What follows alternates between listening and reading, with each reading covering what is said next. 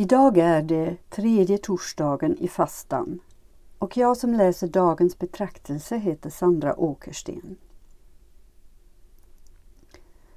Det ofullkomliga. Då Jesus såg en man som hette Matteus sitta utanför tullhuset sade han till honom Följ mig. Och Matteus steg upp och följde honom. Matteus evangeliet 9, vers 9. När Jesus möter en människa frågar han inte Tror du på Gud? Eller Vilka värderingar har du? Han bryr sig varken om hennes sociala eller moraliska status. Annars skulle Matteus aldrig blivit aktuell i rollen som apostel.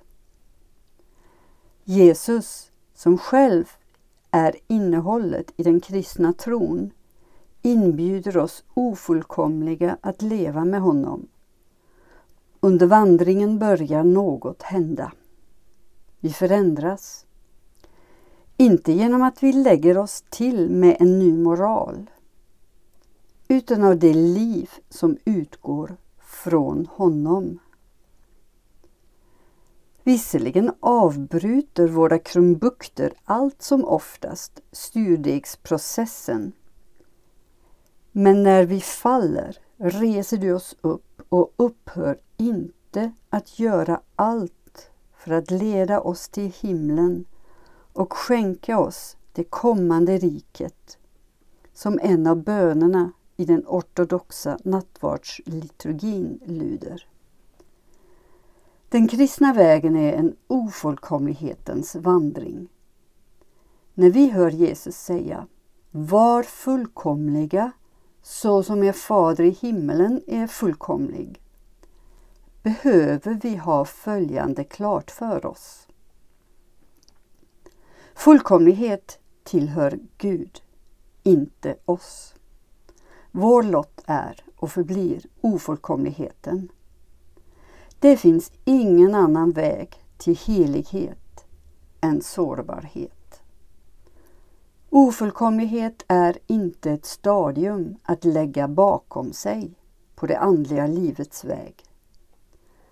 Först när vi inser att Guds enda väg till våra hjärtan går genom våra sår kan nåden utföra sitt verk och glädjen överflöda.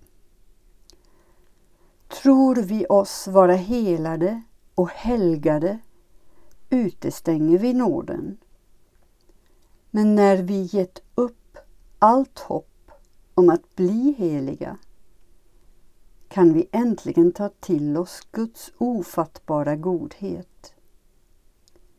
Därför är brustenhetens tårar, i vilka vår ofullkomlighet står tecknad, den enda vägen till fullkomlighet.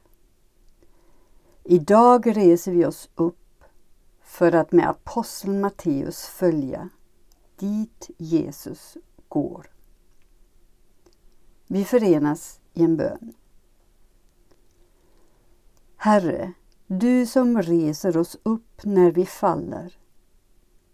Gör våra steg fasta så att vi för vårt inre kan se den härlighet till vilken Kristus har gått före.